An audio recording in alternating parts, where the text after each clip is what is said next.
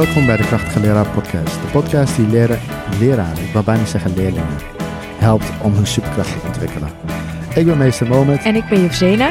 en vandaag hebben wij Melle Kamstra geïnterviewd. En dat was een leerling van jou. Een oud-leerling. Ja. Precies. Eh, ik was eh, zijn mentor en eh, hij heeft een heel leuk ja, en eh, inspirerend verhaal over hoe hij van basisleerling nu HAVO aan het doen is en waarschijnlijk misschien ook nog door gaat studeren voor door, verder gaat met zijn VWO. Mhm. En, ehm, en wat zijn doel uiteindelijk is eh, in het leven. Ja, Een hele, hele inspirerende interview was het. Ehm, we hopen dat jullie ervan van genieten. En eh, veel plezier. veel plezier. Doeg. Doeg.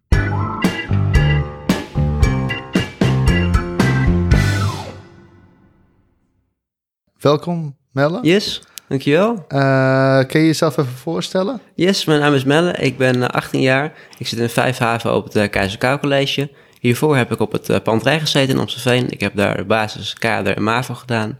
Ehm, en ik zit dus met de 5 HAVO en ik wil eh, heel graag later, eh, net zoals ik eh, kinderen op dit moment kan inspireren met mijn weg, wil ik later ook eh, kinderen blijven inspireren. Oké, eh, hoe wil je dat eh, blijven doen? Of eerst even dat andere, want je bent begonnen op basis. Mhm. Ja, Ja, dat weet ik, want Ja. ik was je mentor. zeker. Eerst in de tweede. Eerst Ja. in het tweede Ja. eh, was ik je mentor eh, en toen eh, deed je basis. Mhm. Ehm, hoe heb je op de basisschool het adviesbasis gekregen? Ja, dat- die vraag ik vaker natuurlijk. Ja, want iedereen denkt, ja, want je doet nu HAVO. Mhm. En, eh, en hoezo ben je dan als basis, met basis begonnen? Mhm, Nou ja, ik ging naar een, eh, een vrije school. Eh, vrije scholen zijn over het algemeen hele leuke, vrolijke scholen met hele lieve mensen. Ja, eh, waar je over creatieve vakken krijgt, schilderen, tekenen enzovoorts. Dat vond ik altijd heel leuk. Maar ik kwam sowieso al op de basisschool met een beetje vooral een emotionele achterstand. Mijn ouders waren gescheiden, ik zat best wel in een moeilijke situatie. Net als later op het VMBO overigens wel meer jongeren van mijn leeftijd. ja. Ehm, ik denk sowieso die situatie met mijn ouders, die ver uit elkaar woonden, heeft erin meegespeeld. Eh, en het feit dat ik daar vanuit heel veel eh, onrust eh, mee kreeg. En ik daarom niet goed op school kon concentreren. Eh, wat ik overigens echt wel bij meer leerlingen zag op het VMBO. Dat het helemaal niet kwam dat ze die capaciteiten niet, niet over die capaciteiten beschikten. Nee. Maar dat ze gewoon in een lastige situatie zaten. En ze gewoon een beetje geholpen moesten worden door de mensen om hen heen. Vooral op school ook juist. Ja, ja. en, en ehm, maar eh, had je dan, wa- want je, dat had je dus op de vrije, al vanaf, op de, vanaf de basisschool als het ware. hè? Ja, En toen kwam je dus op het VMBO. Ja. En ik kan me nog herinneren dat je pas was verhuisd. ja klopt ja. ja. Eh, en eh, want je kwam niet gelijk in september, maar oeh, ik dacht november. Ik kwam wel gelijk in september, maar het was eigenlijk officieel Misschien- pas in november ingeschreven stond. Ingeschreven, ja, dus, al. maar je was Ja. er wel een paar weken later in, in ieder geval dan de rest ja. van de klas, Ja. kon ik me herinneren. Eh, hoe, hoe, eh, hoe ervaarde je dat? Nou, ik verhuisde toen van mijn moeder naar mijn vader. Dus van Castricum naar Amstelveen. Ja, In Amstelveen voelde ik me altijd heel erg thuis. Had ik ook al best wel wat vrienden. Dus dat, dat was fijn. ja, Eh, het was wel moeilijk inderdaad. Ik weet nog dat ik bij de introductieweek was ik er volgens mij niet. nee. Eh, dat was inderdaad moeilijk, omdat je dan toch later instroomt bij zo'n groep met, met leerlingen van een jaar of twaalf. Dan moet je je echt meer een beetje eh, knokken om echt in die groep te komen en om, om wat vrienden te maken.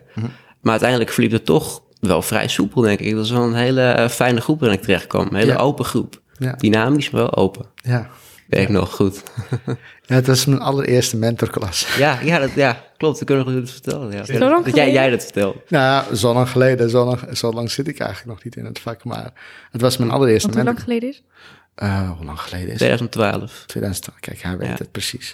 2012. Ja, ja. Ja. het was echt. Het was, eh, ik, ik, eh, ik had toen pas mijn diploma. En ze vroegen me gelijk, ik was daar als invaller en vro- vroegen me gelijk eh, eh, het jaar erop eh, eh, als, als mentor eh, eh, een klas over te nemen. Of een nieuwe klas te beginnen eigenlijk, een eerste klas. Ja. En Spannend. ik dacht zo van, eh, eigenlijk wilde ik het niet doen. maar ik durfde geen nee te zeggen. Ja, dat snap ik, ja. Maar eh, eh, eh, ja, nou, eh, eh, en je kwam dus, je deed dus basis. Maar vond je het dan niet heel makkelijk allemaal? Ja, eigenlijk wel. Ja. Dat is het gekke. Eigenlijk vond ik de stof, als ik er naar keek, vond ik het heel makkelijk. Ja. Eh, want ik ben nog op mijn twaalfde heel vaak, of heel vaak, kijk ik iedere dag kijk ik naar de politiek of naar de Tweede Kamer. Ja. En die stof was eigenlijk inderdaad heel makkelijk. Alleen ik, eh, ik was nog steeds heel onrustig in die tijd. Ik werd wel gestimuleerd door mijn vader en door mijn opa en oma. Maar nog steeds zat ik een beetje in die onrust van eh, de basisschool eigenlijk op de een of andere manier. Eh, en natuurlijk in de onzekerheid die uit voorkwam. Ik was heel onzeker in die periode. Ik durfde bijna niet om er zelf op te komen of voor de klas te gaan staan. Of het antwoord in de klas even te roepen, bij Engels ook. Eh, en dat is denk ik het grote verschil met wat er later is gebeurd. Ik durfde heel weinig. Ik was heel onzeker. Heel stil. Heel stil ook, ja. Ja, En heel ik stil. vroeg me ook af, want je zat dus op een vrije school. Mhm. Zou je, als je naar een vrije middelbare school gegaan zou zijn, zou je dan niet een hoger advies gekregen hebben? Ja, dat zou ik zeker gekregen hebben. Mijn basisschool zei ook, maar dat vond ik ook een beetje het aparte. Dat ze zeiden van, ja, als je naar de vrije middelbare school gaat... Ja, dan kun je VMBOT gaan doen, of KLR bij ons sowieso, maar misschien wel VMBOT. ja. Maar ik wilde gewoon, gewoon zo graag naar Amsterdam. Ik wilde heel graag naar de panterij. Mm. Het panterij, daar voelde ik me wel heel erg thuis, namelijk meteen de eerste keer. Ontzettend warme mensen. Eh, dus toen wilde ik gewoon het panterij en heb ik besloten om eh basiskader te gaan doen het eerste jaar. Dus, dus Ja. in de basiskaderklas terecht te komen. Ja. Oké. Ja. En wanneer eh, begon voor jou ehm, die onrust weg te gaan eigenlijk? Ik denk ongeveer halverwege de tweede dat het was. Het tweede jaar ben je toch wel wat vrijer eh, op de middelbare school. Dat merkte ik ook meteen. Dat zei hij toen ook meteen van, dan worden kinderen toch wel wat vrijer. In het tweede jaar zijn ze gewend. Heb ik dat gezegd? Ja, dat heb je Ik- gezegd. ik- ja, ja. Jij zal waarschijnlijk meer eh, hebben onthouden Ja. van wat ik heb gezegd dan dat ik dat heb gedaan, want ik weet niets meer. Ja, en dit zijn even die momenten die ik echt heb onthouden. Dat in het begin van het jaar van oké, in de tweede zijn ze meestal wat vrijer. Dan durf je wat meer. Eh, en dat heb ik ook wel denk ik om in laten werken. Ik dacht van oké, ja, dan zal het voor mij vast ook wel gelden. Zoiets dacht Ja. ik, denk ik. En dat was het uiteindelijk ook zo. Ja. Eh, het eerste half jaar ging het ook al beter, denk ik. Was ik wel vrijer in de klas, was ik wel sociaal. Durfde ik mensen aan te spreken. Ja. Ah ja, Ehm, gelijk een, eh, een goede vriendengroep. Ja, ik had meteen een goede vriendengroep. Ja, met Sanjay en volgens mij Nick en Daniel toen in die tijd. Ja, en was. Mark er nou ook bij? Mark was er ook nog bij. Ja, Ja, ja, ja, ja, ja, ja. klopt. Ja, ja, ja. Eh, en het tweede half jaar zette het zich voort. Maar toen eh, ging ik ook echt serieus studeren eindelijk. Eigenlijk voor de eerste keer in mijn hele leven. Ja. Eh, en toen, nou goed, toen, stroomden de goede cijfers zo achter elkaar binnen in het tweede half jaar langzamerhand. Ja. En na de tweede, wat mocht je daarna gaan doen? Toen ging ik naar de bovenbouw Ja. binnen het VMBO, naar STV heette dat. Dat is sportdienstverlening en veiligheid. Dus drie basis sportdienstverlening veiligheid. Ehm, nou ja, dat, dat richt, zich dus, richt zich dus op de drie punten die genoemd zijn: sportdienstverlening, veiligheid. Eh, maar dat is wel een heel ander sfeertje. Met docenten die er echt wel serieus voor gaan. En zeggen ze: Oké, vanaf nu moet je hard werken, want vanaf nu gaan we gewoon werken richting je eindexamen. Je moet Ja. gewoon eh, presteren wekelijks. Ehm, maar dat kwam eigenlijk voor mij op een perfect moment. Want ik had toen al door van: Oké, als ik hard werk, dan kan ik er gewoon komen. En dan eh, ga ik zeker eh, een goed diploma halen. En heb ik gewoon nog steeds een goede toekomst voor me, ondanks dat ik basis doe. Ja. Had je al een toekomstplan op die leeftijd, wat je wilde? Wat je zeg maar met basis zou kunnen doen. Mhm. Op het einde van de derde, van de bovenbouw had ik het wel, ja. Ja, toen had ik eigenlijk het plan van, oké, naar basis, dan ga ik kader doen. Ja. En dan wil ik daarna naar mbo, en hopelijk niveau 4. Mhm. dat, dat zou dan kunnen als je een goede kaderdiploma haalt. En dan wil ik uiteindelijk naar het hbo om eh, docent wiskunde te worden, wilde ik toen Ah, graag. Ja, ja. Is dat meneer Van Zaal die... eh, Meneer Van Zaal, ja, ja, die heeft me wel eh, die heeft me heel erg geholpen toen ook in de tweede, ik met wiskunde. Ja. Gewoon al alleen al door zijn persoonlijkheid. Gewoon door de motiverende eh, woorden die hij over mij sprak. Als ik ook als ik een 4,5 had gehaald, dan nog ging je met me zitten en in je toets kijken en positief kijken van oké, dit heb je goed gedaan, dit heb je goed gedaan. Hier moet je nog aan werken. Ja. Maar als je doorgaat, dan komt het bij de volgende toets goed. Ehm, Weet je. ja, en aan het eind van de derde, toen hielp ik zelf eh, heel veel eh, mensen in mijn klas met wiskunde. En dat was ontzettend leuk. Het geeft zo'n kick om dan zelf later mensen met wiskunde te helpen. En was dat het moment dat je dacht van... oké, ik, wil ik wil wel docent worden? Ja, ja, zeker, absoluut. Het eind van de derde was absoluut het moment, ja. Ah, wauw. Ja, Oké. Best wel Ja. vroeg al. Ja. Ja, ja, eind van de derde, dat is ja best wel vroeg. Ja, 15 was ik, denk ik. ja. Ja. Ja, de meeste die... eh, ik ben erin gerold. Zoals de vele. Dus zoals eh, velen. Ja, jij hebt ja. er wel nog eh, echt voor gekozen. Ja, maar ik dacht ook eerst niet dat ik het zou doen. Nee. Nee. Ja, ja nou, ik, ik, eh, maar, en oké, dat is het eind van het derde. Ja. Maar er is toch weer wat anders gebeurd aan het eind van de derde. Of nee, ja, in de loop van... eh, In de loop van de afgelopen jaren. Ja, wel. ja. Ja. Ja, na, ja, na de derde ging ik natuurlijk naar de vierde. Ik ging heel ruim over. Ja. En eh, in de vierde toen haalde ik eh, nou, met vrij hoge cijfers mijn basisdiploma. En toen mocht ik in één keer VMBOT gaan doen. Mocht ik in één keer in één jaar eh, eindexamen VMBOT doen. Dus van eindexamen VMBO basis, eindexamen VMBOT. En, wat, Ehm, en, en ho- hoezo niet, niet gelijk eerst kader, en, maar gewoon gelijk T? Ja, waarom? Ik weet nog dat ik sowieso kader kon gaan doen. Maar dat er een hele groep docenten waren die zeiden van... ja, voor kader, dat ga je ook zo makkelijk halen. We moeten gewoon het vertrouwen aan je geven om in één keer VMBOT te gaan doen. Ja. En dan kun je daarna, dat zeiden ze ook toen al eigenlijk... die kun je nou nog door naar de HAVO in één keer. En toen was ik natuurlijk een beetje van, oh, wow, oké. eh, in één keer door naar de HAVO, dat is een beetje een hele andere wereld als het ware. Ja, Ehm, toen hebben ze een, een brief geschreven aan de directeur, weet ik nog, van het panterij. Ja. En eh, die heeft gezegd van, oké, we moeten niet twijfelen, we gaan het gewoon doen. Het, eh, het, kan, hij heeft al hele hoge cijfers. Heeft het vertrouwen en we gaan er gewoon voor zorgen dat hij in één keer eindexamen VMBOT kan doen. Ja. Hoe ervaarde je dat in één keer eindexamen VMBOT? In het begin eh, een grote stap, ja. In het begin best wel hectisch, ja. Ja, want ik moest ook heel veel toetsen inhalen dat jaar. Mhm. Ik, Inhalen? eh, ja, ik moest het hele derde leerjaar van VMBOT moest ik toen inhalen. Omdat ik namelijk twee leerjaren eigenlijk in één deed. En in het derde kreeg je ook al SE's van VMBOT. Dus toen moest ik, ik geloof, dat was, nou ja, voor elk vak moest je dan een grote stamptoets moest je inhalen. En was, dit, eh, dit wist ik niet. Ja. Nee, nee, nee, nee, nee, nee, nee. nee, het, eh, ja, en nu je het zegt, is het eigenlijk gewoon wel logisch. Want je moet inderdaad eh, voor je schoolexamen Ja.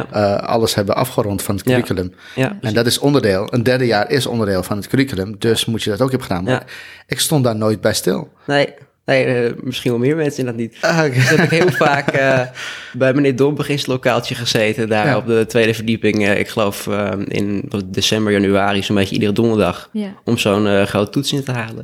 Dat is natuurlijk wel zwaar. Ja. Maar ik kan wel, ik had twee geweldige mentoren, kreeg ik toen in de vierde van VMBOT ook. Ik werd heel warm ontvangen door mijn klas. Mhm. Hele betrokken docenten die me echt met elk vak enorm hebben geholpen om te kijken van oké, waar moeten we bijspijken? Waar kan ik je nog verder mee helpen? Ook op persoonlijk vlak. Mhm. Kan je nog wat ondersteuning gebruiken? Want het is best wel een zwaar jaar inderdaad als je twee leerjaren in één Ja. keer moet doen.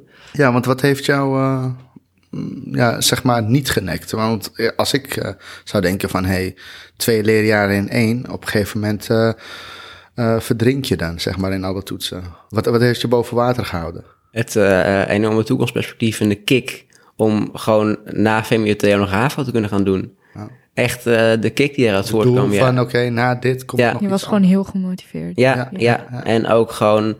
Ik weet nog goed, bij mijn afdelingsleider toe van Panterij stond heel groot op zijn, op zijn schoolbord in zijn, in zijn kantoortje van... eh, als eh Melle voor de tweede keer cum laude slaagt, dan eh, zorgen we ervoor dat hij in de wereld draait door terechtkomt. nou ja, en dat is maar een heel klein voorbeeld van heel veel dingen die docenten nou voor je doen om je enorm aan te moedigen. En Ja. die motivatie te geven. Oké, kom aan, als je, als je het gaat redden dit jaar, nou dan zou het echt ongelooflijk zijn. Ja. Daar komt zo'n energie uit voort. Eh, gewoon die kick van oké, we gaan het doen. We gaan groot het redden. doel hebben. Een groot doel hebben, ja. En, en ook geen, niet dat school, school op zich is, maar echt een soort van, nou, ik wil het bijna een, een soort van echt persoonlijk levensdoel noemen. Dat, eh, dat, dat, dat zo voelde het toen echt. Ja, Ja, En ben je ook in de wereld draait doorgekomen? Dat eigenlijk niet, nee. Nee, Oh, jammer. dat, dat eigenlijk niet. Wel toen eh, bij RTV Amstelveen. Dat is wel heel leuk. Cool. Ja, Ja, ja, want je leuk. was toen cum laude geslaagd Ja, uiteindelijk? ja klopt, Oké. ja. Ja, Wow. ja, ja. echt heel knap. Echt was dat. heel knap. Ja. En misschien dit jaar ook, of eh, zit dat er eh, nog in? Dit jaar zit het Nee. er zeker in, ja. Ja, dit jaar nog iets meer dan op eh, MAVO en de basis. Dus ik sta nog, nog iets hoger nu. Nog iets hoger. Nog iets dus, hoger. d- Dus, dus het niveau wordt hoger en jij wordt beter. En het enige wat ik hoor is eigenlijk hoe meer jij wordt uitgedaagd, hoe meer jij eh, levert. Dat klopt, ja. Ja, dat is inderdaad, heb ik nooit zo erg bij stilgestaan, maar zo is het inderdaad wel. Ja, want, Die uitdaging die zorgt echt voor, eh, voor steeds meer drang om te presteren, ja. ja. ja. En eh, eh, is er dan een eindpunt? Ehm, Ja, je mag het er- zeggen er- hoor. Er, is- er is, er is een eindpunt. Er is een eindpunt. Dat is natuurlijk wel vrij ambitieus, maar het, het kan steeds meer. Het lijkt steeds meer realistisch te Ja. zijn. Het eindpunt is eigenlijk ehm politicologie studeren, een master politicologie. Ja, En tegelijkertijd ook eh, lesgeven, maatschappijleiders, dus eh politicoloog zijn, in de politiek kunnen werken. En tegelijkertijd ook eh, lesgeven op eh, middelbare school.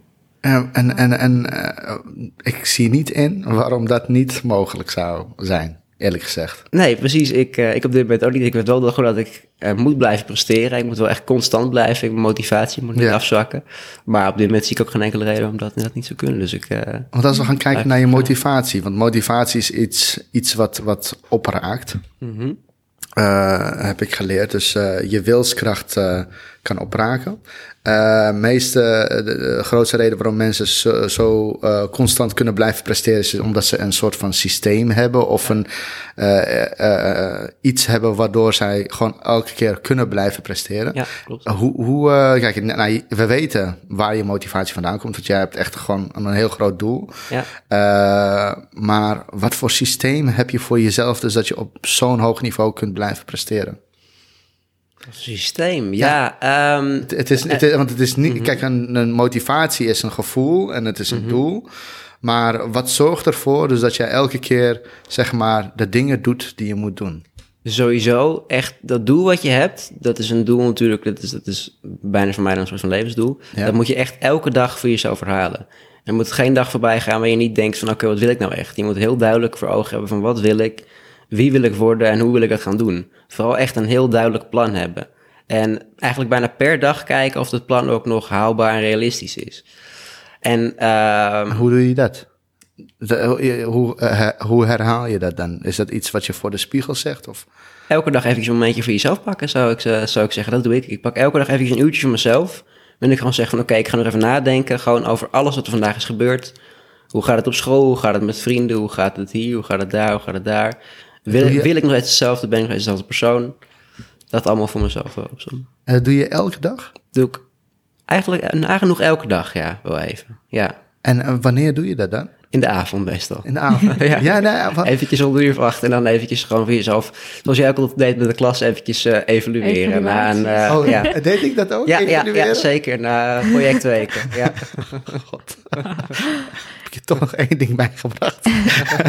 ja, uh, absoluut. maar oké, okay, ja, want het evalueren, wat je nu zegt... ik, ik merk dus dat het misschien jouw superkracht is. Ja. Dus dat jij elke keer evalueert en kijkt van hey, hoe. Dat je even bijstuurt. Mm -hmm, als, als, kapitein op een boot. Dat je even een beetje bijstuurt van hey, uh, ja. moeten we die kant op. Ja, die kant klopt, op. Ja. Ja. En dat je dat elke keer maar een, een klein beetje, maar een klein beetje maakt een groot verschil. Ja. Ja, precies. Anders moet je op een gegeven moment een hele, hele grote bijstuur uh, maken. Een hele ja, grote, ja. En, en maak je dat dan nog wel eens mee? Dus dat je inderdaad ja, op een gegeven moment uh, 1 graden naar links gaat, maar na 10 dagen is het uh, 100 graden geworden. Klopt. Ja, nou ja, dat heb en dat je dan echt even moet bijsturen. Heb je dat, ja. Maak je dat nog wel eens mee? Dat maak ik zeker nog eens mee. Ik zit nu in de vijfde van de HAVO. Ik ben 18. Uh, ik krijg natuurlijk ook wel eens uitnodigingen voor feestjes. Mensen ook met me uitgaan, dat soort dingen. Um, en ik moet ook wel uitkijken dat ik het niet te vaak doe. Ik was van de week nog uit. Ja. Maar dan ben ik de volgende dag wel helemaal, helemaal gesloopt natuurlijk. en ik moet ervoor zorgen dat ik niet te veel daarin vervol inderdaad. Ik moet op mezelf zeggen, oké, okay, ik moet het wel een beetje beperken. Ja. Eén keer per week uitgaan. In het weekend, dat kan prima. Ja. Maar ik kan niet op al die uitnodigingen ingaan. Want dan kom ik nergens anders meer naartoe. Dan ben ik de hele week moe. Ja, want heb, uh, uh, uh, ja, mensen zullen zich gewoon wel afvragen: heb je dan wel een sociaal leven? Ik heb zeker een sociaal leven, ja, een heel sociaal leven zelfs. Ja. Leren kun je namelijk ook heel goed samen doen. En dat doe ik bijna altijd eigenlijk. met, met een sociaal leven, oké. Okay, maar en, heb, en, je dan, heb je dan hoe, hoe, hoe, hoe doe je dat dan samen? Bijvoorbeeld, Hoe ziet dat eruit? Bijvoorbeeld samen met een van mijn beste vrienden gaan we leren in de bibliotheek. Eerst een paar uur in de ochtend. Ja. Dan gaan we daarna even wat drinken ergens. Dan gaan we dan nog een paar uur leren. En dan gaan we daarna samen sporten. Hmm. En vaak ook met een groep mensen. Bijvoorbeeld met, uh, met wat uh, meiden ook uit mijn klas. Met jongens gaan we met z'n allen leren. En dan gaan we um, naar de McDonald's. En dan gaan we daarna gaan we bijvoorbeeld uit. Oh. Zoiets. Dat, dat is een hele leuke ja. combi. En dan kom je toch wel een heel leuk sociaal leven toe. En tegelijkertijd ben je goed bezig. Voor ja. ja, en je levert dus niks in. Eigenlijk. Je levert eigenlijk bijna niks in. Nee, nee, nee. nee, nee. Oh ja, dat vind ik ja. wel heel mooi. Ja. Dan moet je wel goed op elkaar afstemmen, maar als je het goed uh, inplant, dan uh, kan dan het zeker. het kunnen, ja. En, oh, sorry. Nee, ga jij maar Ga, nee, jij, ga jij maar eerst. Oké. Want ik, ik heb een ander onderwerp. Je hebt een ander onderwerp? Ja, dus jij mag eerst. Oké, okay, ja, nee, ik... Uh, oh ja, wat wou ik weer vragen? Dit knippen eruit. Nee, maakt niet uit. Het mag er ook gewoon wel in blijven. Maar ik... ik uh, oh... Oh ja. Sorry. Brain fart. ik ben het over, die, over zijn vrienden en dat ze samen... Ja, ja. Dankjewel. Mm -hmm. Je vrienden uh, en je klasgenoten uh, en je sociaal leven. Uh, hoe kijken die naar jou? Want zij weten dat je een basis hebt gedaan. Mm -hmm. ja. Zij weten waar je vandaan komt, de lange weg die je hebt ge ja. genomen. Um, motiveer jij hen Of motiveren zij jou? Of is er een soort van synergie in... eh, Dus een soort van eh, circulair iets, ja. Het, het is beide inderdaad. Zij motiveren natuurlijk zeker mij, want ik vertelde mijn verhaal van... ja, ik kom van basis, ik heb dit gedaan, dit gedaan, dit gedaan. En dan zeggen ze, wauw, wat geweldig. Dat is, dat is heel mooi om te horen. En eh, zij motiveren zeker mij. Eh, maar ik ook hen, als ik zeg van... of als ze even geen motivatie hebben... dan zeg ik van, kom op... Je kunt ook van basis naar HAVO gaan als je maar werkt. En jij kunt ook een universitair diploma halen. En als je even doorzet, dan heb je straks lekker vakantie. Eh, dus kom op, geef niet op. Dus het, het, is, het is inderdaad beide. Ze motiveren mij en ik motiveer hen, denk ik. Ja. ja dat is een hele goede wisselwerking. Ja. Mooi. Dan heb ik één laatste vraag over eh, motivatie. Ehm, want zo, als ik het nu een beetje hoor in het begin, eh, toen je pas eh, op Panterij kwam, ehm, de motivatie die je kreeg, kreeg je vooral vanuit een veilige omgeving. Mhm. Ehm, en die eh, heeft jou zeg maar aangewakkerd om je best te gaan doen. Is die motivatie nog heel erg, ja, is die nu heel erg intrinsiek? Moet, wil ik eigenlijk vragen. Want komt het nu vooral vanuit jezelf? Of kan iemand nog gewoon zeggen van, ja, Melle, ik geloof niet dat je het kan. En dat jij dan, dan breekt en, en gaat huilen en dan zegt van, ik kan het niet meer.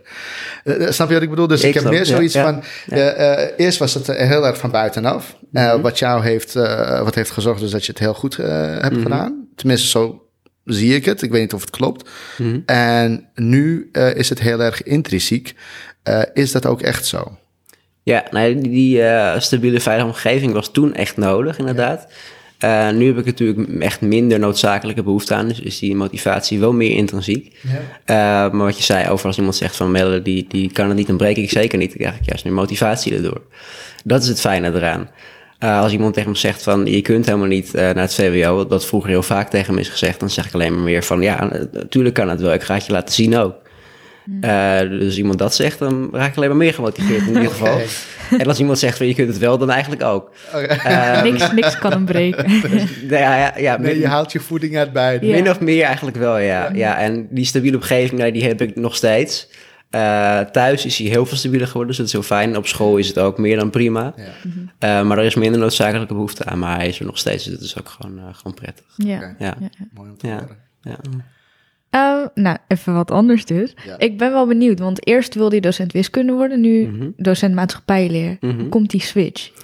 Hoe komt die switch? Ik, ik ben me heel erg gaan openstellen voor de politiek. Weet je, ik kom van het VMBO, daar heb je een hele diverse samenstelling van groepen. Mhm. Eh, en ook de hele, hele manier waarop naar het VMBO gekeken wordt. Er wordt toch minder nog steeds eigenlijk naar het VMBO gekeken. Als van het VMBO is toch een beetje, nou ja, ik wil niet zeggen onderkant van de samenleving, maar Ja. toch wel een mindere kant als het ware. Het heeft een bepaald imago. Dat heeft een bepaald imago, ja. En ik, ik verzette me daar toen ook, toen ik op het VMBO zat. Toen zei ik er niks over, over die kritiek op het VMBO. Maar ik dacht wel ook bij mezelf van...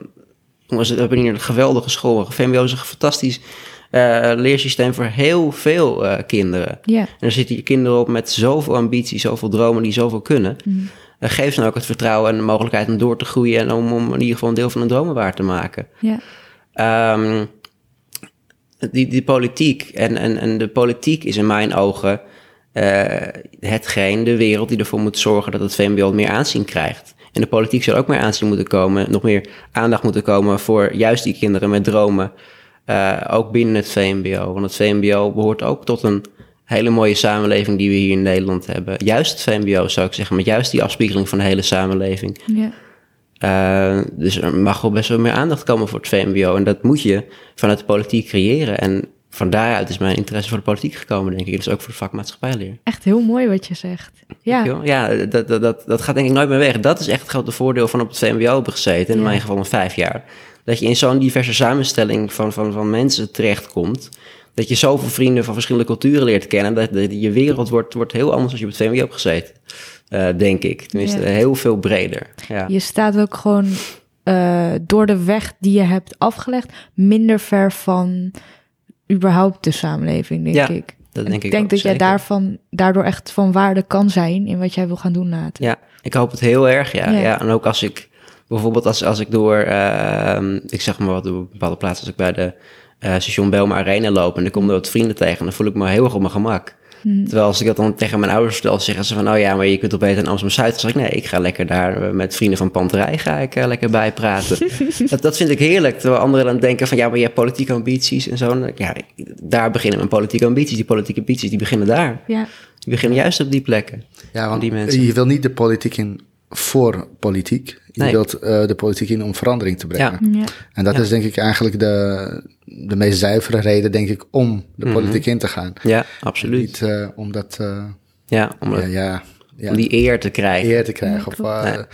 Ja, maar, maar ben je daar denk ik, eh, ben je daar wel, ehm, eh, eh, heb je daar wel een beetje in verdiept, zeg maar, in, de- in de politiek? Want ik weet niet of ehm, eh, zozeer je doel is misschien eh, heel erg goed. Ehm, want wat je wil bereiken, snap ik.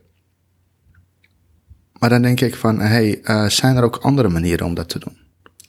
Die zijn er zeker. Eh, dan in eerste instantie op, op wat kleinere schaal natuurlijk. Voor de klas staan, dan breng je ook wel veranderingen voor Ja. de groep leerlingen die je voor je hebt. Zeker. En zeker als je als inspirerende mentor echt, echt eh, leerlingen kan helpen met de weg die ze af moeten gaan leggen. Dus voor de klas staan is ook wel een voorbeeld van inderdaad verandering bereiken. Sowieso in het onderwijs heel erg. Ja, Eh, op grotere schaal in de politiek. Eh, ik zit dan ook nu bij GroenLinks. Uh, eerst een stapje, zit ik bij de gemeenteraad. ja, Daar heb ik wat connecties. En ik merk alleen wel dat ze bij GroenLinks ook bijvoorbeeld... Misschien haak je daar ook een beetje... Ik ben nog niet echt eh, zo heel erg eh, die connecties hebben toch... Met, met het onderwijs en met, echt met de samenleving. Het valt toch een beetje tegen. Dus ehm, het kan inderdaad sowieso binnen het onderwijs er voor de klas te gaan staan. Eh, en binnen de politiek, eh, nou ja, wordt het nog afwachten natuurlijk. ja. Ehm, maar het is wel een fantastische manier om in ieder geval ooit verandering te brengen, hoe groot of klein ook. Of het nou is eh, een heel klein niveau binnen een gemeente of wat groter. Eh, het is een heel mooi podium om het ooit te kunnen doen. Ja, Ja, want we hebben ehm, Osama geïnterviewd. En die had het ook hierover. Die had het over het ministerie. Ja, Wilde hij eh, dus hij wilde iets met eh, beleid en dergelijke. eh, eh, ook om verandering te om, brengen. om verandering te brengen. Ja, ja. En, Ja. en invloed te hebben op, op eh, eh, hoe, eh, hoe het schoolsysteem in eh, Nederland in elkaar zit. Mhm, ja. Eh, als je gaat kijken dus naar het VMBO, hè? ja. Ehm, wat kan er dan beter volgens jou? Want je hebt er zelf vijf jaar op gezeten. Ja. Eh, en eh, als product van het VMBO ben jij dus gewoon eigenlijk eh, hetgene wat we allemaal willen. Een succesverhaal, zeg maar. Mhm. Maar dan, wat zou je eraan willen veranderen? Nou, op panterij waren de doorstroom, doorstroommogelijkheden in ieder geval al best wel heel goed geregeld. Ja, Uh, maar volgens mij is het door lang niet op alle scholen zo goed. En ik zou heel graag willen dat juist ook... Ik heb dan eens een stap kunnen maken van basis naar VMBOT. Maar er zijn heel veel leerlingen die misschien wel net zo goed zijn of nog beter. En die kunnen die stap niet maken omdat ze even net niet dat vertrouwen krijgen van hun andere scholen. Uh, dus de doorstroommogelijkheid, mogelijkheden, mo- moeten echt uh, moeten nog beter worden, vind ik. Uh, en daarnaast uh, denk ik dat er juist ook voor die basis- en die kaderleerlingen nog steeds wel wat meer hè, waardering mag komen. Want we hebben een enorm tekort aan, aan vakspecialisten, vakmensen. Nou, die, die komen van het VMBO, die komen van basis en kader. Dus er mag wel meer aandacht komen voor basis- en kaderleerlingen, vind ik. VMBOT wordt al heel goed uh, behandeld. VMBOT heeft eigenlijk bijna alle mogelijkheden binnen het VMBO. Die kunnen de HAVO of de MBO 4. Dus basis en kader um, mogen best nog wel meer aandacht krijgen, denk ik. En dus die doorstroommogelijkheden ook daarnaast. Mm-hmm. En verder als ik kijk, um, persoonlijke aandacht is denk ik op het pandrij in ieder geval is het heel goed. Mhm. Dat is ook nodig op een VMBO. Dat is denk ik de grote kracht van een VMBO. Um, dat is wel heel erg koesteren, die persoonlijke aandacht van het VMBO, waardoor je leerlingen op persoonlijk vlak verder kan helpen. Oké. Ja. Dat is, Ja. ja. Zie jij jezelf uh, later lesgeven op een VMBO en dan ook het soort school waar jij op zat, of op iets anders? Hoe op een VMBO? Ja? Ja, okay. ja zeker weten. Ja. Zou niet op een VWO? Inhoudelijk is natuurlijk het VWO uh, heel mooi, omdat je natuurlijk echt kan praten over Europese instanties en weet ik het allemaal. Dat is natuurlijk prachtig. Mm-hmm. Um, eigenlijk misschien wel als het kunnen allebei, maar als ik zou moeten kiezen, dan wordt het alsnog VMBO, denk ik. Ja, omdat ik mezelf toch uh, zo erg in die leerlingen herken uh, op hun leeftijd, nog steeds. Ik was laatst op Panterij, dan zie ik toch allemaal jongeren rondlopen. En dan zie ik mezelf er toch ook weer een beetje tussen. Dat is toch weer grappig. Ik zie mezelf tot nog steeds eerder op het VMBO rondlopen dan op het VWO. Inhoudelijk misschien niet. Mhm. Maar als ik toch de mensen zie rondlopen, denk ik van... Hey, ja, leuk is dit, zo'n VMBO-school. Ja. Ja, dus ik, ik denk echt het VMBO. Ja. Okay. ja. Dus je bent, Ja. je bent en blijft altijd eh melden van eh Panterij. panterij. Ja, het, zit, het zit zo diep in mijn hart, het panterij. ja. Dat is het wel echt inderdaad. Het, het KKC, het KZK College, is ook een geweldige school. Ja. Het panterij zit heel diep in mijn hart. Echt, eh, wat ik heb meegemaakt, ja. Ah. Ja, Nou, Ja. ik vind het alleen maar mooi om te horen. Ja, ja. ik ben blij dat ik daar de eerste twee jaar eh, deel Ja. van heb mogen uitmaken. Ehm, even kijken. Eh, zouden we het nu over kunnen hebben?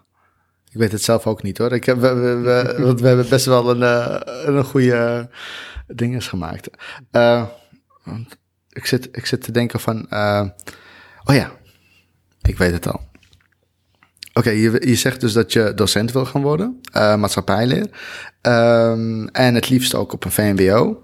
Eh, als het kan op beide natuurlijk, op een VMBO en eh, VWO, maar het liefst natuurlijk op een VMBO. Wat denk je, ehm, hoe denk jij dus dat je als docent eh, voor de klas zou staan? Ehm, zo, dat is een hele goede vraag. Ehm, ik, eh, natuurlijk al de eerste keer als ik in de klas zou komen, als ik mezelf zou voorstellen überhaupt, je hebt docenten die schrijven hun naam op het bord. Ja. Dat zou ik niet doen. Dat vind ik heel erg ouderwets en dat, dat werkt Had ik niet. dat niet gedaan? Heeft u niet gedaan? Of heb jij niet gedaan? Nee, kijk nog steeds u. Ja, heb, jij niet, yes heb, heb jij niet gedaan? Nee, nee, je hebt het niet gedaan. Eh, ik zou denk ik ongeveer zoals jij het hebt gedaan doen. Eh, ik weet nog dat je toen hebt verteld eh, van dit is mijn eerste mentorklas. Ik heb dit en dit gedaan. Ik kom hier vandaan. Ik vind het heel spannend, mijn eerste mentorklas. Maar ik ga ervoor zorgen dat, dat het een heel mooi jaar wordt met jullie allemaal. Ehm, eigenlijk gewoon echt een stukje over jezelf vertellen. Van wie ben ik nou echt? Weet je, je hebt een docent voor de klas. Je hebt sommige docenten die vertellen alleen maar inhoudelijk over het vak. Maar ik vind dat je als docent echt moet vertellen van... nou, ik ben Melle. Ik heb op basis gezeten hier op school. Kader, MAVO, HAVO. Eh, ik was vroeger onzeker. Ik ben nu eh, ben ik heel veel zeker van mezelf. Ik vind lesgeven het mooiste vak ter wereld. Ehm, ik zou sowieso beginnen met mijn eigen persoonlijke verhaal. Want van daaruit kunnen leerlingen je echt leren kennen. Ja. En dus eerst echt ervoor zorgen dat je een vertrouwensband met je, met je leerlingen opbouwt. En eigenlijk dan pas gaan kijken naar het vak. Wat houdt het vak nou in? Eh, dus zoveel mogelijk eh, echt als, als vooral ook als inspirator voor een klas staan. Vooral. Eh, en als iemand die je kennis meegeeft, maar ook je echt als persoonlijkheid eh, moet vormen in mijn ogen bijna. Ja, Ja. die ook echt persoonlijk meegeeft, persoonlijk vlak. Ja. Ehm, dat eerste jaar dus dat ik jullie had, eh, dat was ook echt zeg maar mijn, mijn eerste jaar dus zeg maar met lesgeven. Maar daarvoor was ik invaller en daarvoor had ik stageplekken. Nou, ik vond mezelf toen eh, pedagogisch niet zo sterk. Eh, eh, hoe zou jij denk je vinden om zeg maar, eh, zeg maar voor zo'n klas van twintig drukke leerlingen die eh, stuiterballen. De ene wil naar links, de ander wil naar rechts, de andere wil naar boven, de andere wil naar beneden. Hoe zou jij dat, eh, hoe denk jij dus dat jij dat eh, van nature, eh, of, of denk je dus dat, je, dat het iets is wat je kan leren? Of denk je dat het iets is wat je alleen van nature kan hebben en verder niet kan ontwikkelen? Ik denk dat je sowieso, als je op een VMBO-les geeft, dat je er echt een hart voor moet hebben, ten eerste voor die leerlingen. Als je een hart voor die leerlingen hebt, eh, denk ik dat het sowieso veel meer van nature gaat. Eh, mijn voordeel werkt in dat ik zelf tussen die stuiterballen gezeten heb. Dus ik weet zeg maar een beetje welke kansen op zouden kunnen vliegen. Ehm, dus een hart voor ze hebben is heel belangrijk. Leren, je, ze- je kunt natuurlijk altijd heel veel dingen leren. Je kunt ook leren hoe je een moeilijke klas in toom kunt houden, denk ik. Ja. Eh, maar nooit helemaal. Dus het is een combinatie van een hart voor die leerlingen hebben, ervoor zorgen eh, dat je die leerlingen kent. Dus weten welke kansen op zouden kunnen vliegen. Eh, en natuurlijk enigszins echt een, een sfeer creëren waarin ze weten wie de docent is, wie ze voor zich hebben. Ehm, en dat je wel gewoon echt naar die docent dient te luisteren. Eh, maar dat als je gewoon eh, goed je best doet, dat je dan ook echt wel... hè, je hoeft niet altijd alleen maar stil te zitten. Je mag ook een keer een beetje lol trappen in de klas. Dat is helemaal niet zo heel erg. Ja. Maar een hart voor leerlingen hebben. Een, een, een goede sfeer creëren waar je docent bent, maar tegelijkertijd ook inspirator. Ehm, en hè, natuurlijk, het is ook een zaak van ervaring opdoen, denk ik. Ja. Hoe vaker je les geeft, hoe vaker je weet van... oké, zo'n klas heb ik voor me en zo kan ik ze eh, leren en een beetje in toom houden. Zeg maar Ja. een soort van voorwaarde dat je de kinderen leuk moet vinden en hard voor de kinderen moet hebben om het te kunnen ontwikkelen. Want anders Ja. heeft, ja, ben je ook niet gemotiveerd om het te ontwikkelen, denk ik. Ja, Nee. ja zeker. Met name op het VMBO, denk Ja. ik. Ja. Ja. Ja, relatie voor prestatie. Hè? Ja. Ja, ja, absoluut. Ja, dus, eh, dat is echt zo. Ja. Ja, nee, ik, ik ben dan blij dat je dat, eh, dat je dat ook echt beseft. Mhm. Want, eh, Ja, zeker. voordat Dat is je een dat- soort van zeker. test, eigenlijk. ja, eh, eh, nou, ehm, is er nog... eh, d- dus de plannen zijn eigenlijk wel duidelijk. Je wordt docent eh, en, en, en je gaat de politiek in. Mhm. Eh, eh, maar politiek is natuurlijk het hoofddoel om zoveel mogelijk veranderingen Mhm. eh, eh, in te brengen. En het docentschap, dat, eh, ja, daarvan wil ik weten waar ik later mijn kind eh, op ga zetten. Eh, is, er- is er nog verder iets anders wat je ehm, zeg maar aan onze luistera- luisteraars wil meegeven? Dus, onze luisteraars zijn eigenlijk docenten. Mhm. Wat je ze wil meegeven als leerling zijnde. Niet als toekomstige docent. Het eh, klinkt misschien heel cliché, eh, maar toch dat het eh, leraarschap het mooiste vak van de wereld is, denk ik nog steeds. Je, de politiek is prachtig omdat je daar heel veel in kunt bereiken als je, als je echt die wilskracht en doorzettingsvermogen hebt. Maar docentschap, die combinatie van een band met leerlingen opbouwen, echt sociaal, op sociaal vlak heel erg waardevol bezig zijn, echt volop in de maatschappij staan en tegelijkertijd kennis meegeven, dat is denk ik echt het mooiste van de wereld. Dat heeft mijn hele jeugd gevormd. Dat heeft mijn, dat is natuurlijk ook bijna zeggen, mijn hele leven eigenlijk veranderd. Ja. In die zin. Ehm, en daarmee kun je echt de levens van kinderen en later volwassenen echt veranderen. Kun je bijdragen echt aan hun ontwikkeling. Ja. Op school, maar ook op persoonlijk vlak. En dat is voor iedereen van ongelooflijk groot belang. Dus het docentschap is eh, het mooiste vak van de wereld. Dus ik zou zeggen, geniet er ook van. Geniet ook van het docent zijn. Geniet ervan dat je het mooiste vak van de wereld hebt. En dat je ontzettend belangrijk bent in deze wereld. En dan mag je ook best jezelf denk ik wel een beetje belangrijk vinden als docent. Want je bent namelijk heel belangrijk voor heel veel mensen. Dat eh, besef je misschien niet altijd, dat, dat gevoel krijg je misschien niet altijd. Maar dat ben je wel. Ja. Dus je, je bent veel belangrijker voor heel veel mensen dan dat je waarschijnlijk denkt. Ja. Ik denk dat, eh, dat, dat je nu een heel belangrijk boodschap hebt meegegeven. We beseffen denk ik inderdaad niet hoeveel invloed wij als docenten hebben op leerlingen. Ja, En hoe groot onze invloed eh, kan zijn. ja, En dat we daar eigenlijk met, eh, dat, dat het eigenlijk inderdaad onze invloed een superkracht is waar we echt eh, verantwoordelijk mee moeten omgaan. ja klopt, ja. ja. ja. With great power comes great responsibility. Spider-Man. ja. ja, dat is van Spider-Man. Maar eh, het klopt wel. Het is gewoon Mhm. echt helemaal wat jij zegt. We beseffen dat niet. eh, dat Ja. die kracht zoveel eh, Ja. eh, invloed heeft op een Ja, leerling. het komt ook een beetje door, door, door de, ja, toch weer door de politiek vind ik dan een Ja. beetje. Doordat dat toch hè, leraren veel te weinig aanzien krijgen in mijn ogen. Ze zijn zo waanzinnig belangrijk. Hmm. Ze zijn veel belangrijker dan grote multinationals. Leraren, die, die, dat, dat, dat is de toekomst van morgen. Investeren in leraren. Om ervoor zorgen dat er goede leraren voor de klas kunnen staan. En die zich gekend en gezien Het voelen. schijnt dus dat in Finland het aanzien van docenten heel, heel hoog is. Mhm. En dat heeft ook te maken met de hele vooropleiding die Ja. daarvoor afgaat. Ja, Het schijnt dat je best wel moeilijk toegelaten wordt tot de lerarenopleiding. En dat het van hoger niveau is dan hier in Nederland bijvoorbeeld. Dus het zit hem Ja. ook al in dat soort dingen. ja. Dat het, eh, maar ja, dat is lastig om in één keer... eh, Om in één keer om te schakelen, te peilen van wat voor dingen zitten dan echt. Dan moet je echt gaan kijken inderdaad van oké, hoe doen ze daar precies eh, Ja. in Finland. Ehm, Past dat wel bij Nederland? Ja, past het bij Nederland Oh, natuurlijk. De. Nederlandse cultuur en bij de Nederlandse samenstelling van eh, groepen die je voor je krijgt. Ja, Ja, je krijgt heel vaak te horen van... oké, ze doen het daar zo geweldig met X en Y.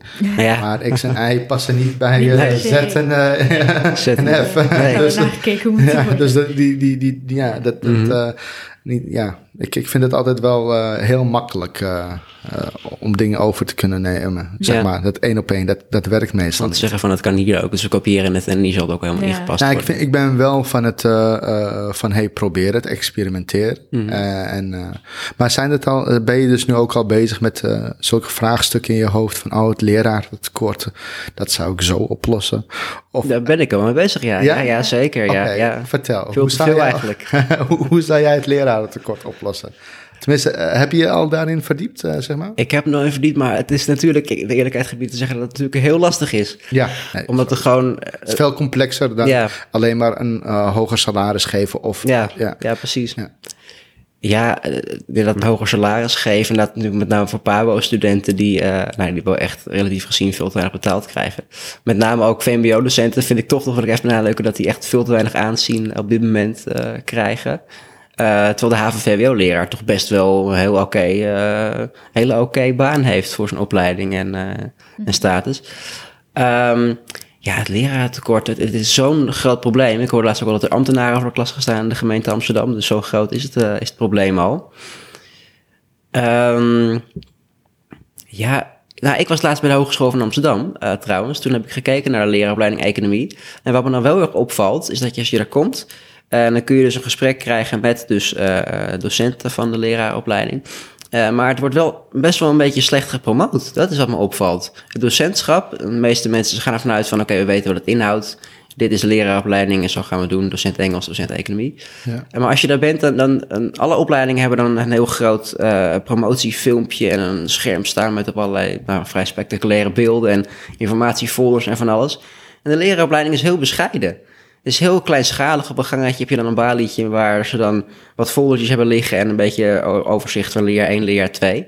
Maar het wordt een beetje een soort van ehm, een beetje eh, heel kleinschalig. Ik wil niet zeggen armoedig, maar het wordt een, het wordt een heel klein beetje, wordt een heel klein beetje eh, te bescheiden wordt het, wordt het eh, aangeboden. Ja, je zou het- bijna kunnen denken, zeggen van... Kijk, ik weet niet of je dit weet, maar eh, je bent na- naar het HVA bij uh, Weesperplein? de, de Wieboudstraat. Wieboud. Nou, kijk, Wieboud. Als je dus naar het HVA op uh, Weesperplein uh, en je hebt uh, die van de Wieboud... is een wereld van verschil, die twee oké. locaties. Ja. Ja, je weet echt wel wanneer je naar een leraar, uh, leraaropleiding uh, vleugel zit of afdeling zit. En wanneer je dus op een uh, managementsafdeling Ja. of een wat dan ook. Uh, d- dus je ziet ook echt, ja, de studenten zijn wat bescheidener, Mhm. wat armoediger. wat, uh, ja, dat is gewoon Ja, zo. En, ja. en, en het, het zit denk ik ook gewoon in de, uh, ja, in ons ingebakken, denk ik bijna, om gewoon bescheiden te zijn. Ja, Dat is heel mooi natuurlijk. Dat, dat is denk ik een van de mooiste eigenschappen van de meeste docenten. Alleen zo'n opleiding promoten, je moet ervoor zorgen dat je zo'n opleiding wel echt promoot. Van oké, docentschap is, is, is, is super mooi omdat je kennis mee kunt geven, persoonlijkheid kunt vormen. Het is uh, ongelooflijk belangrijk. Ja. En dat mag je ook echt uitspreken, denk ik, richting uh, aankomende studenten. Ja, En die mogen wel weten dat het zo belangrijk is. ja. Ik denk ook dat ze allemaal wel zoiets hebben van, nou, jullie hebben allemaal wel les gehad, dus je weet wat een leraar is. Ja, ja, Doet. dat, dat, dat Dus ik, ik, ja. ik, ik, ik, vraag, ik vraag het me inderdaad echt af waarom het dan zo slecht, waarom ze dan zo slecht zijn in het promoten. Ja, ja, precies. Ja, nou ja, ja. Je hebt natuurlijk eh, een, een, een vage studie als bestuurskunde. Dan moet je er even kijken van, oké, wat houdt het nou exact eigenlijk in? Ja. Um, een leraaropleiding is inderdaad vrij duidelijk. Maar alsnog mag je het wel eh, aantrekkelijk promoten, vind ik. Het mag echt aantrekkelijk maar gemaakt worden. ja. Helemaal mee. Zo onaantrekkelijk is het ook eigenlijk toch nog helemaal niet. eh, Nee, nee. denk ik. dat vinden wij absoluut niet. Nee. Maar Nee. eh, wij zitten er middenin. Ja, ja, dat scheelt weer. ja, ja, ja, ja, ja. Ehm, Oké. Heel erg bedankt uh, dat je hier uh, gekomen bent. Het was een heel mooi interview. Jullie over de uitnodiging. Ja. Superleuk. Dank. Ja, ik vond het echt leuk dat je Ja, was gekomen. zeker. Nog laatste woorden? Um, ja, ik zou niet zullen zeggen tegen leerlingen, maar ook tegen leraren uh, tegelijk. In ieder geval. Um, wees trots op wat je doet en uh, blijf jezelf ontwikkelen en geloof in jezelf. Ja. En dat geldt eigenlijk, die drie zinnen, dat is heel simpel, dat geldt voor zowel voor leerlingen als leraren. Ja, ja inderdaad. Ja. Ja, heel erg mooi. Bedankt Melle. Ik uh, vond het ook uh, die twee jaar echt superleuk om je mentor te zijn. Uh, alhoewel, omdat het mijn eerste jaren was. Gaat ook, ik denk dat je daarom een deel bent vergeten. Omdat je heel erg druk bent, ermee was. Ja, je was, ja. bent er dan zo druk mee dat ik het niet bewust heb meegemaakt. Mm. Terwijl mm. als ik van hem hoor wat voor invloed ik heb gehad, dan denk ik zo van, oh, is dat echt zo? Ja. uh, maar het is wel echt, uh, da en daarom dat, dat ene wat je net zei van, hey, wees uh, bewust van hoe, hoeveel uh, invloed mm -hmm. je hebt op een leerling. Ja, ja heel erg mooi. Bedankt voor je komst en we wensen je veel succes. We, zullen, we willen op de hoogte blijven yes. van je verdere loopbaanontwikkeling. Ja. En we gaan sowieso voor een cum laude. Daar gaan we zeker voor. Dan kan jullie zeker op de hoogte. Ja. Hey, dankjewel. Yes. Hey, doei, doei. Hoi. Oké. Okay. Vet.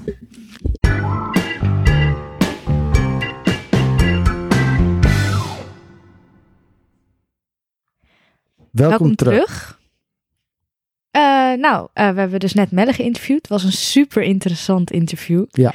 Eh, leuk om het een keer van de andere kantoren natuurlijk. Ja, Niet alleen van docenten, maar ook van leerlingen. en eh, ik, vond, ik vond het echt heel mooi dus dat hij zei van hoeveel invloed wij hebben. Ja, Ja, dus dat je als docent echt moet beseffen hoeveel invloed jij op leerlingen hebt. Mhm. Dus ehm, ga, ga, ga, ga wijs en eh, rustig, eh, hoe zeg je dat dan? Ga wijs met je superkrachten om. ja Ja, Ja. We- wees gewoon bewust dat je, dat je heel veel invloed hebt op leerlingen. precies. Ja. Ja. Eh, anyways, ehm, we gaan verder met interviewen. want we hebben op, wie gaan we binnenkort interviewen? En nu? Emmy. En eh, we, eh, Belinda Herrewijn en Esther Monfiels Komen komen we ook, ook nog een keer terug. komen terug. eh, met dit keer over executieve functies. En we hebben nog twee gasten, maar die houden we nog misschien even geheim. Misschien even gaan. Ja, ja, ja. Ja, ehm, in ieder geval, we hebben heel veel leuks voor jullie in petto. Dus we hopen dat je volgende keer weer gaat luisteren.